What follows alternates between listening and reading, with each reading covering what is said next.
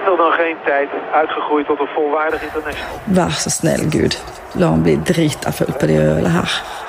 Stuurt daar Krol op links weg, dan komt de voorzet en is Cruijff is goal, dit is goal! 2-0! Wat een juweel van een doelpunt! Van Rensen brengt naar Krol, van Krol voor, precies op maat en Cruijff die schitterend scoort.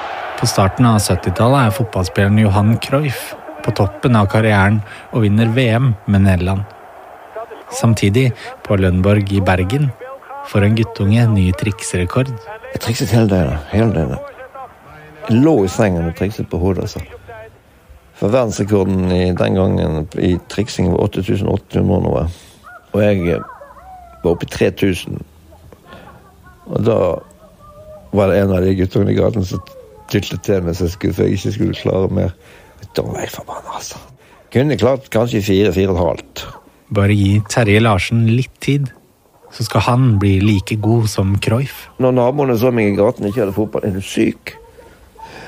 Jeg måtte bli venn med ball, vet du. Fotballen er med i senga, hvor han ligger våken og ser biblioteksfilmer av sin store helt. Så brukte fotballen som hodepute, da. Ja, ikke dette litt vondt, hold kjeft og sov seg. Om en gang jeg våknet, så spilte jeg fotball på gulvet.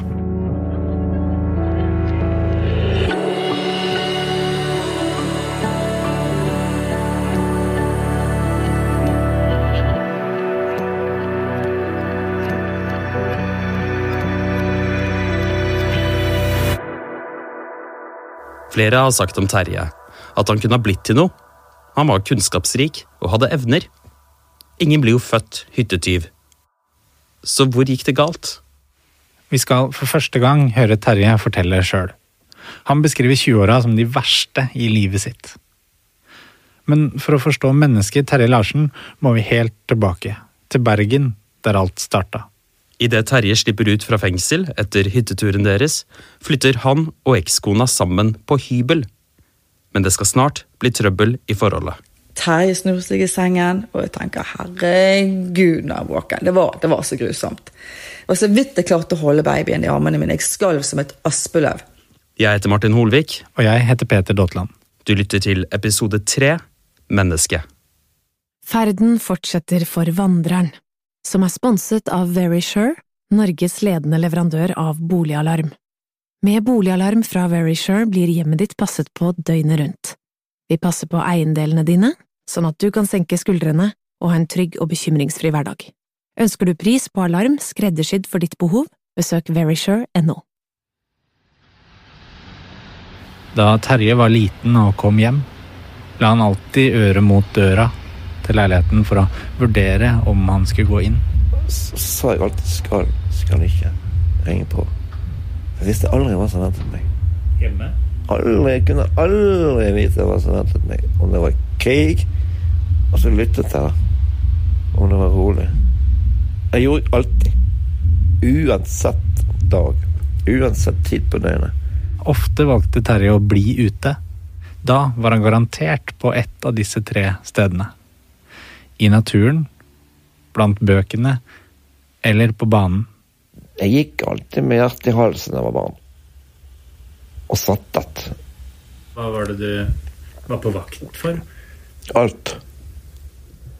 Barndommen var preget av dramatikk, kaos. Familiens første hjem lå midt i byen. Vi, vi bodde fem, syv stykker på ett rom, vet du. Og ett rom og kjøkken. Det her er Torbjørn, storebroren til Terje. Seks år eldre. Så vi var jo mest henvist til gaten en gang. Vi har ikke plass til alle inne, vet du. Han husker den trange leiligheten godt. I dag er bygningen et kunstsenter. Her inne så vokste Terje opp. Det var det første stedet han bodde. På Nordnes. Nedover bakken er det skikkelig flott. Da ser du rett på Bryggen. Ser noe lys i andre etasjen som skal være Hordaland kunstsenter. Står en del vinglass ute. Klart til fest. Men det var jo meg og Terje som var ja, mest lik, kan du si, av utseende og alt. For Brødrene er såpass like at en gang Terje var ettersøkt, skal han ha reist på passet til Torbjørn. Så de stemplene her i, i, i Horwitz og greier, det er han som har vært på mitt pass.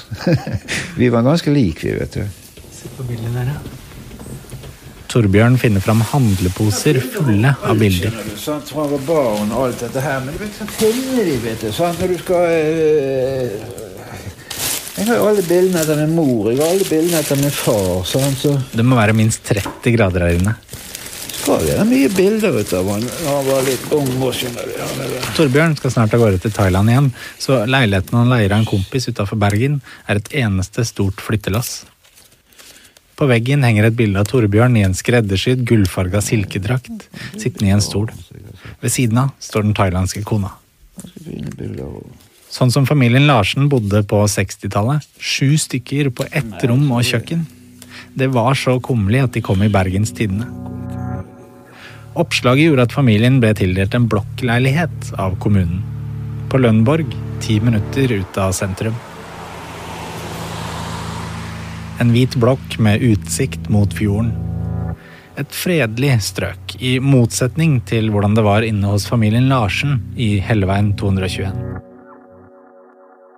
Jeg husker alltid at jeg hadde mageverk. Nei, for hjemme hos oss var det verbalt eh, kaos. Det var jo ikke noe sånn seksuell misbruk i familien. Ingen som slo hverandre, men det var veldig høylytt. Temperament, altså en italiensk eh, familie, du, du, da kan du tenke deg Og så, så på Bergen, så. Når bergensere virkelig begynner å slå seg løs verbalt. Da hagler det med ord, altså. Mor var hjemmeværende med fem unger som løp rundt. To søstre, tre brødre. Terje var nest yngst. Bare to av søsknene lever i dag. Torbjørn og mellomstebroren som har kutta kontakten. Far jobba visst hele døgnet.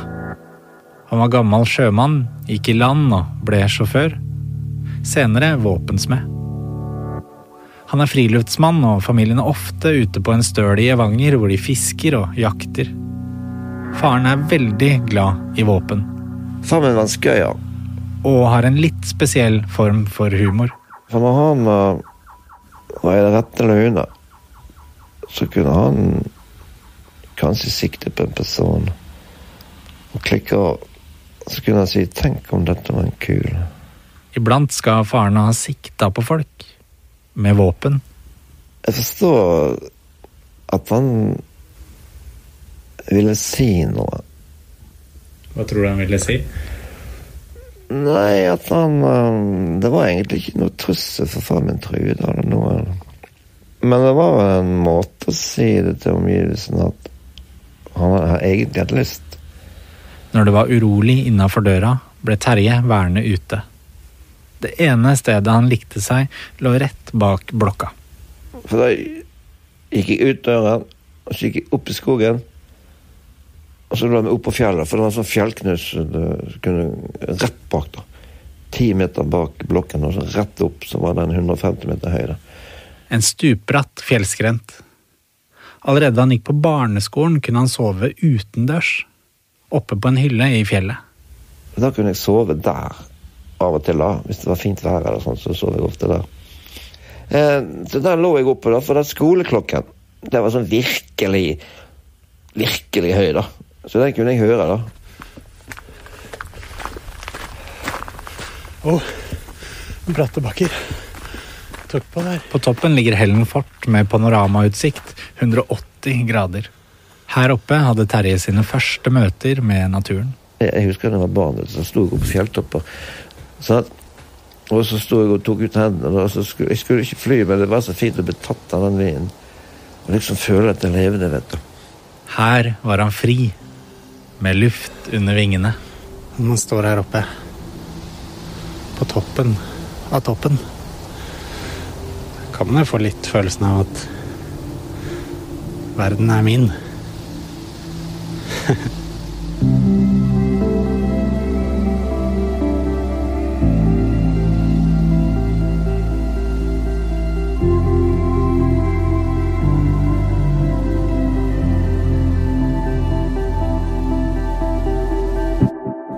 Da han ble eldre, likte han å ta med seg ekskona opp hit. Sekretæren har stått mange ganger, du, og Dette eier jeg. Sikkert, ja. Ut med armene og bare si at dette er mitt. For sånn var han. Ja. Han var veldig glad i naturen. Og Da fortalte han det at han hadde tilbrukt eh, mye av barndommen sin der oppe. Han hadde telt og soveposer og var mye alene der oppe. Det fortalte han. Der ser du Terje ute i hjørnet der. Tilbake hos Torbjørn, som har tømt en tredje plastpose med bilder utover stuebordet. Er det bare jeg som legger for mye i det, eller ser han litt sånn ubekvem ut i en sånn sofa og, og Ja, han kaffe og kaker, ser det ut som? Nei, men jeg tror han får Jeg, jeg, jeg tror, du, tror du ser han sånn i nesten alle bilder. Akkurat som ikke Han ville helst vært en annen plass. Ja, for Han har jo sagt det noen ganger, Terje, at det var vanskelig Ja, i barndommen. Ja, med mat og sånn. Jeg kan huske jeg kan huske kom hjem fra skole, det var ikke mat. sånn Det sto noe ketsjup, så jeg måtte lage noe, noe suppe av noe ketsjup. vet. Så det var jo ikke mat, vet du. Sant? Og det var en bestemor som kom trutt, gamle mennesker. Hun hadde jo tre-fire-fem jobber, hun. vet du, sant? Hun kom jo fra landet. Hun kom med mat og greier til oss, vet du. sant? Og, men jeg spiller noen øl, akkurat. Jeg tror det skulle være sånn. Vi tar følge bort på verkstedet til Nyborg Motorsport. Torbjørn er utdanna smed, men ble bilmekaniker. Og nå dytter han kollegaens bil inn i hallen. Helvete! Akkurat henger, da. I helvete. Jeg må jo henge på bremsen i denne her. Terje kom på uannonserte besøk og banka på døra til Torbjørn iblant. Ifølge storebror gikk det fort over i sprit og tull. Og brødrene prata aldri om noe alvorlig. De vonde tinga. Vi? Det vi. Som den gangen da Terje var åtte år, og mamma og pappa skilte seg. Det kraftig inn på han, har Terje forklart i retten. Da ble det enda mindre fristende å være hjemme. Det andre stedet Terje likte seg, ligger rett ved Lungårdsvannet inne i byen.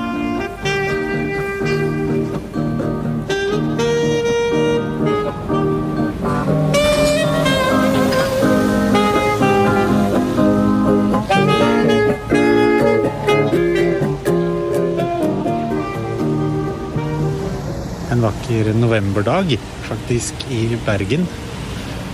Sola skinner og det er mildt. og Her ligger eh, hovedbiblioteket. Allerede, jeg var ikke ti år engang. jeg. 89 år så bodde jeg på hovedbiblioteket i Bergen. da. Og så sov jeg på toalettet. jeg gjorde det. Var du hjemløs? Nei, nei, nei, nei, men, jeg, nei, men det var litt turbulent. Og jeg måtte lese. Jeg følte at jeg måtte lese. jeg. Husker ennå de øynene hun, hun der bibliotekaren så på meg. Jeg tok ikke barneavdelingen. Jeg gikk direkte på voksenavdelingen. Faglitteratur. Det, jeg, tenk, jeg tenkte ikke over det den gangen. der, altså. Jeg syntes det var helt naturlig. Å svinge til høyre istedenfor til venstre. Jeg gikk etter lukten. jeg. Lukten av bøkene. Hva lukta det? Gammelt støv. Terje var litt annerledes enn de andre, og ble sendt på gutteskole for å lære å tilpasse seg. Først på Årstad, så på Kofod-skolen. Men aller helst ville han altså være i naturen, blant bøkene eller et tredje sted. På fotballbana. Terje spilte wing og var fast bestemt på å bli som Johan Cruyff. Men hvor god var han egentlig? En gjeng godt voksne menn peser frostrøyk i slitte treningsklær på en kunstgressbane. De som en gang spilte med Terje Larsen på Sandviken, er nå rundt 60 år. Drømmen er vel ikke helt å leve av fotballen lenger. Men de spiller fortsatt på kunstgressbanen hver mandag halv ni. Egil. Rune. Svein. Tore. Han, han var vel 58-er. Tjåtere frem. Du har jo spart trente mye. Ja. Ja, vi begynner med deg, Tore. Tore, Ja, han, han var en god fotballspiller, syns jeg. da. Han var rask og eh, teknisk og, Bra skudd. og kunne sikkert blitt til noe. Han studerte de største spillerne og ville bli som de. Hvem var det som var Jeg tipper Johan Cruyff var en av de. Johan Cruyff, for han hadde nok lagt seg til et gangsett tett opp til Johan Cruyff sitt. Ja, han gikk på tærne. Han gikk på tærne. Han trippet på tærne. Hvordan spiller var han, da? Type spiller? Nei, de spør Det jeg sier litt om, det var at han var en, så Toren sier, veldig bra teknisk. Stor fart. Bra atletisk type som hadde hva skal jeg si, tidlig utviklet dette med hvordan han skulle bruke kroppen. Eh, og kunne skåre mål, han kunne skyte hardt og heade. Han var en spesiell karakter, men han var jo, vi aksepterte jo at han var god nok til å spille i elveren på juniorlaget. Så han var så jo når med han ikke kom med på A-lag, så mente han at ingen som forsto han. Og da ville han bli proff i utlandet, for han var jo egentlig en stjerne. Så han satt med sine egne øyne. Ja, Terje er en stjerne i egne øyne. På et tidspunkt var han avisbud, og en gang jobba han i en sportsbutikk. Men det er fotballen Terje skal leve av. I 25-årsalderen snubler han over muligheten han har venta på, i et Vi Menn-blad. Da var jeg hjemme hos min mor på besøk. Og der var det vanligvis ikke blader. Den type blader, da. Så blar jeg opp, og så ser jeg over to sider. da. Dansk fotballklubb søker norsk spiss med krudestøvler. Ja, det er fint. Dansk fotballklubb søker norsk spiss med krutt i støvlene. Telefonnummer, takk. Så etter meg sjøl. Det må være meg, det, tenker Terje. Han har tatt to pils og ringer nummeret i annonsen med en freidig tone. Ja vel, sa han. Hvilken rolle spiller du på? Jeg spiller norsk spiss med krutt i støvlene, sa jeg. Etter samtalen begynner tvilen å strømme på. Var nå dette så lurt? Oi, oi, oi, dette går jo, tenkte jeg. Men, sier du, sitter her og drikker et par pils nå, du er ikke så veldig god kondisjon. Men snart ringer et bud på døra. Danskene mener alvor. Terje får en flybillett, 1000 kroner i lommepenger, treningsopplegg og instrukser. Og at jeg skulle holde en norsk avis da, i høyre hånd, så de skulle kjenne meg igjen på kastet. da. Dette begynner jo å ligne på noe, så da reiste jeg inn på Hotell Norge og tok med et par pils. da.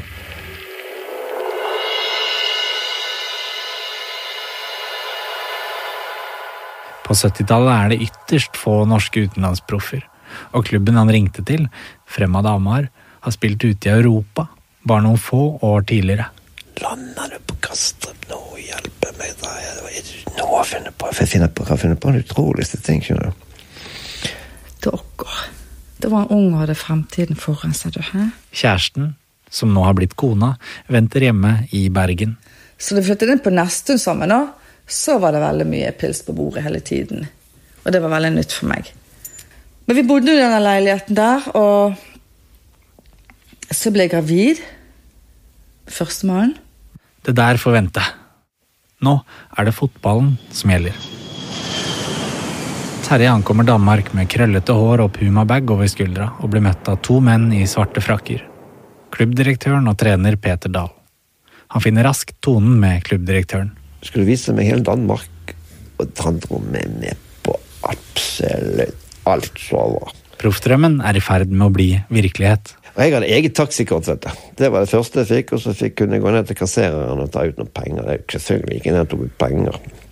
Men det var jo det hver dag, vet du. Mens Terje løper rundt på treningsfeltet i København, drømmer han seg videre. Til Amsterdam og Ajax. Klubben til forbildet Johan Cruyff. Hadde du et håp om å kunne leve av fotballen sånn økonomisk? Ja, jeg fikk jo beskjed hvordan jeg Det var litt under 200 000 jeg skulle få den gangen, da. Som begynnerlønn i Amaga. da. Pluss fri hotell inntil jeg fikk leilighet, og fritt taxikort og alt sånt. Så det ble jo litt, da. Pluss at du fikk fri mat og sånt på klubbhuset om morgenen. Så senere gikk det For det var det som var planen min. Ajax, eller Nederland, da. På slutten av det tre uker lange treningsoppholdet blir han kalt inn på kontoret. Eh, Vi ser jo det at du ikke har fysikken i orden. Men vi ser jo det at du har teknikk. Endte det da med at du ikke fikk kontrakt? Jo da, jeg skulle få ny kontrakt med en gang jeg hadde fått kondisjon i orden. Dommen fra gutta på Sandviken er heller ikke utelukkende positiv.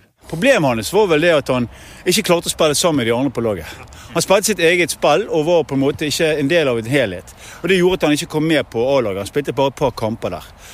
Og eh, kan si, var vel opptatt av at han skulle skåre og gjøre tingene. ikke det riktig det? Jo da, han skjøt fra, han skjøt fra alle tenkelige og utenkelige vinkler eh, og, og, og kanter. Og muligheter og umuligheter. Så, så det var mye seg sjøl. Det var vel det som gjorde at han ikke drev det lenger enn han gjorde. altså. Det var veldig grei å ha sånn sånt sett. Du kunne sentre ballen til han. Så fikk du da en pause på ett minutt. I, eh, for da gikk han. I, og da ble det noe av det, eller så ble det ingenting. Og så var det dette med Han skiftet ikke med de andre. Nei. ikke det riktig, det? Han kom alltid med skoene i bagen sjøl, så skiftet han på sidelinja. Hva tror du hva ligger i det? Nei, Det vet jeg ikke, men det er litt av forklaringen på at det var vel ingen som egentlig kjente han. Han virket som en litt, sånn, litt ensom, uh, lonely kar, egentlig, som gikk uh, mye for seg sjøl, på en måte. Etter noen måneder i Bergen ringer Terje ned igjen til Danmark. Så sier jeg kan jeg være så snill å få snakke med direktør Erik Hermansen. Så ble det helt stille. Stille, tenkte jeg. Så hørte jeg hun ene kontordamen snakket med noen som hvisket og tysket. Hva er dette for noe? Er det meg de snakker noe gærent om, tenkte jeg. Så kommer det en annen kontordame i telefonen og sier nei, han er Erik Herman var død.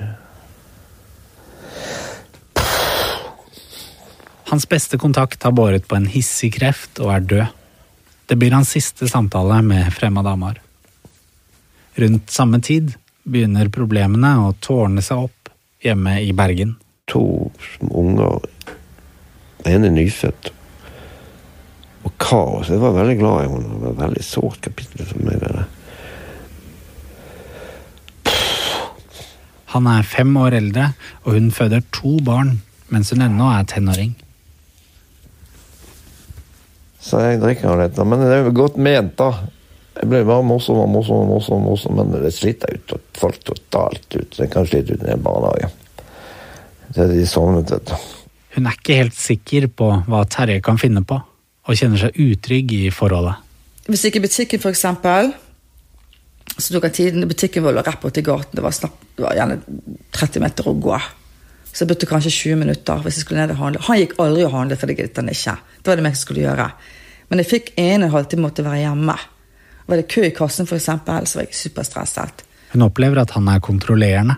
Hun vil vekk, men tør ikke. Hva med barna? Jeg var på en måte helt i hans makt. Jeg var ikke i stand til å tenke selvstendig lenger.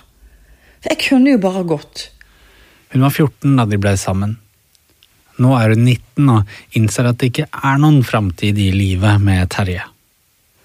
Til sist makter hun å legge en fluktplan. Når natten kom og Terje forhåpentligvis sovnet i god brisen, så skulle jeg komme meg av gårde med ungen. Når Terje ba meg gå i butikken og kjøpe øl. Og jeg husker jeg tenkte at det, Vær så snill, Gud. La han bli drita full på de ølene her. Sånn at jeg kommer meg vekk. Hun allierer seg med en tante som lover å holde seg våken gjennom natta. Og det var blitt ettermiddag. Han drakk hele dagen, han drakk hele kvelden. Og, og om kvelden sa han skal vi gå og legge oss. Jeg lå bak han. Før hun legger seg, kler hun på ungen.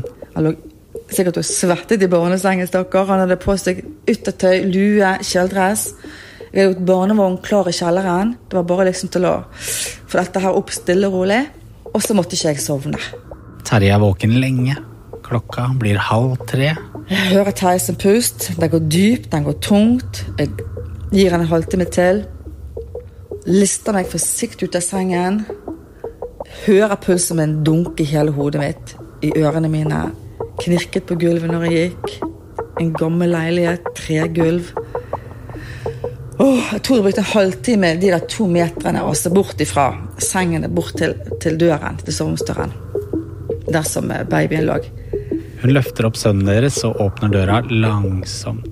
Terje snur seg i sengen, og jeg tenker herregud, jeg er våken. Det var, det var så grusomt. Det var så vidt jeg klarte å holde babyen i armene mine. Jeg skalv som et aspeløv. Det eneste jeg hørte, var hjertet mitt inni ørene som bare dunket. Dunk, dunk, dunk. Barnevogna står i kjelleren og må løftes opp trappa trinn for trinn uten å vekke Terje. Jeg tror jeg brukte to timer. Jeg svettet. Jeg skalv. Det var ett koks. Være musestille. Ett koks til. Så hadde jeg vogn opp gjennom trappene. Det eneste jeg tenkte, nå står han i døren hvert øyeblikk. Ikke en lyd. Langt utpå morgenkvisten har hun kommet seg ut på gata. Og så snur jeg vognen og løper. Jeg løper som en gal. Jeg løper og løper og løper. Jeg kan ikke tro det. Jeg er sikker på at jeg har han helt oppi nakken min. Jeg løper som en gal. Jeg snur meg ikke. En politibil kjører forbi meg. Jeg ser politibil oppi bakken. Og tenker jeg Bare stopp han, stopp han, stopp han. Jeg tok meg ikke tid til det. Jeg var sikker på at Terje var rett bak meg. Jeg tenkte bare løp, bare løp. Det er ikke politibilen. Det tenkte jeg etterpå. At ikke politibilen syntes det var litt rart at det løper en dame med en barnevogn klokken tre-halv fire om natten. Full fart henne var. At ikke de stoppet. Så jeg løp det forteste jeg kunne, opp. Der, i døråpninga, står tanta. Og lukket opp døren og sa 'jeg trodde ikke du kom'. Å, fy flate. Her gjemmer hun seg i ei uke. Terje var på døren hennes mange ganger, og alle visste det at nå var jeg gått i skjul. Så det var aldri noen som sa noe. Og så etter en uke så tok jeg nattoget til, eh, til Drammen til min far. Min biologiske far bodde i Drammen.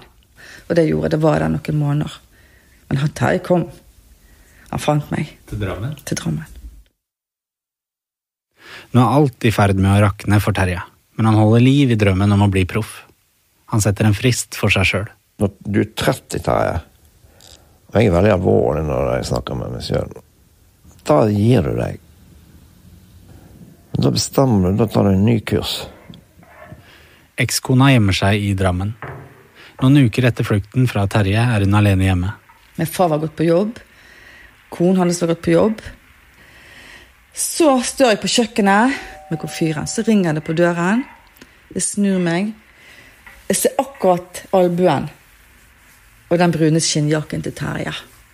Hun kommer på at den døra er ikke låst. Jeg tar panen vekk fra komfyren. Tør ikke gå ut og låse.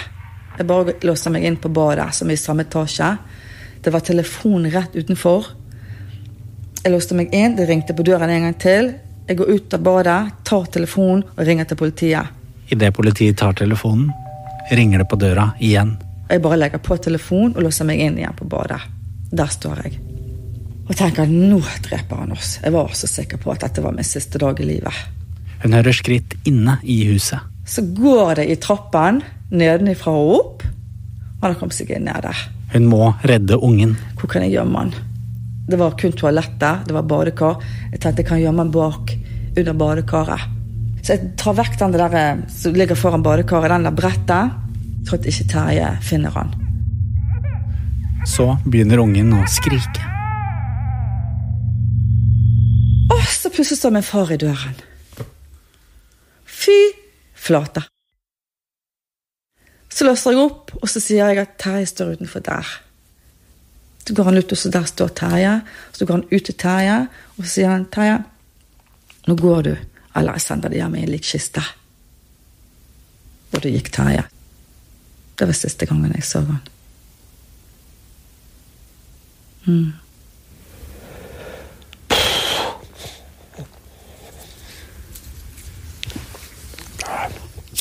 De skilles i retten. Terje mister omsorgen for barna og blir idømt besøksforbud. Han ser de aldri igjen.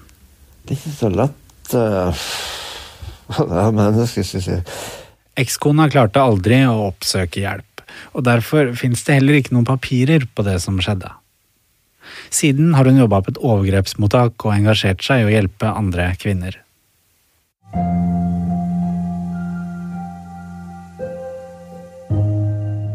Jeg har løsrevet meg sjøl fra Det er bare blitt slik at jeg bestemmer sjøl hva jeg gjør. Jeg har ikke link til noen, til barna mine, til familien min. Jeg har ikke link til venner. Jeg har ingen venner. Og jeg føler meg veldig behagelig frihet. Terje sier han valgte å være ensom, og påsto at han ikke brød seg om familie og venner. Det tror ikke storebroren noe på. Det er jo dette som skjer igjen og igjen, da, at han, han vil tilsynelatende liksom bort og ve ja, vekk fra folk og er mye alene. Mm. Uh. Ja, men tror du han ville det? Tror ikke du heller ville hatt en venn med seg. Det er ikke godt å si. Et brudd har alltid to sider. Terje fortalte meg aldri om dette, og nå er det for sent å spørre om hans versjon av historien. Så kom jeg på noe presten sa om familie. Jeg tror noe av det viktigste for oss mennesker er å ha en opplevelse av at vi ikke er glemt, husket på. Som vi setter i gang en leteaksjon hvis vi ikke kom hjem uten beskjed.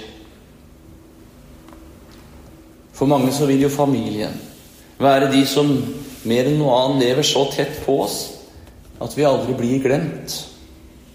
Som gir oss denne tryggheten og sterke opplevelsen av å være husket på og regnet med.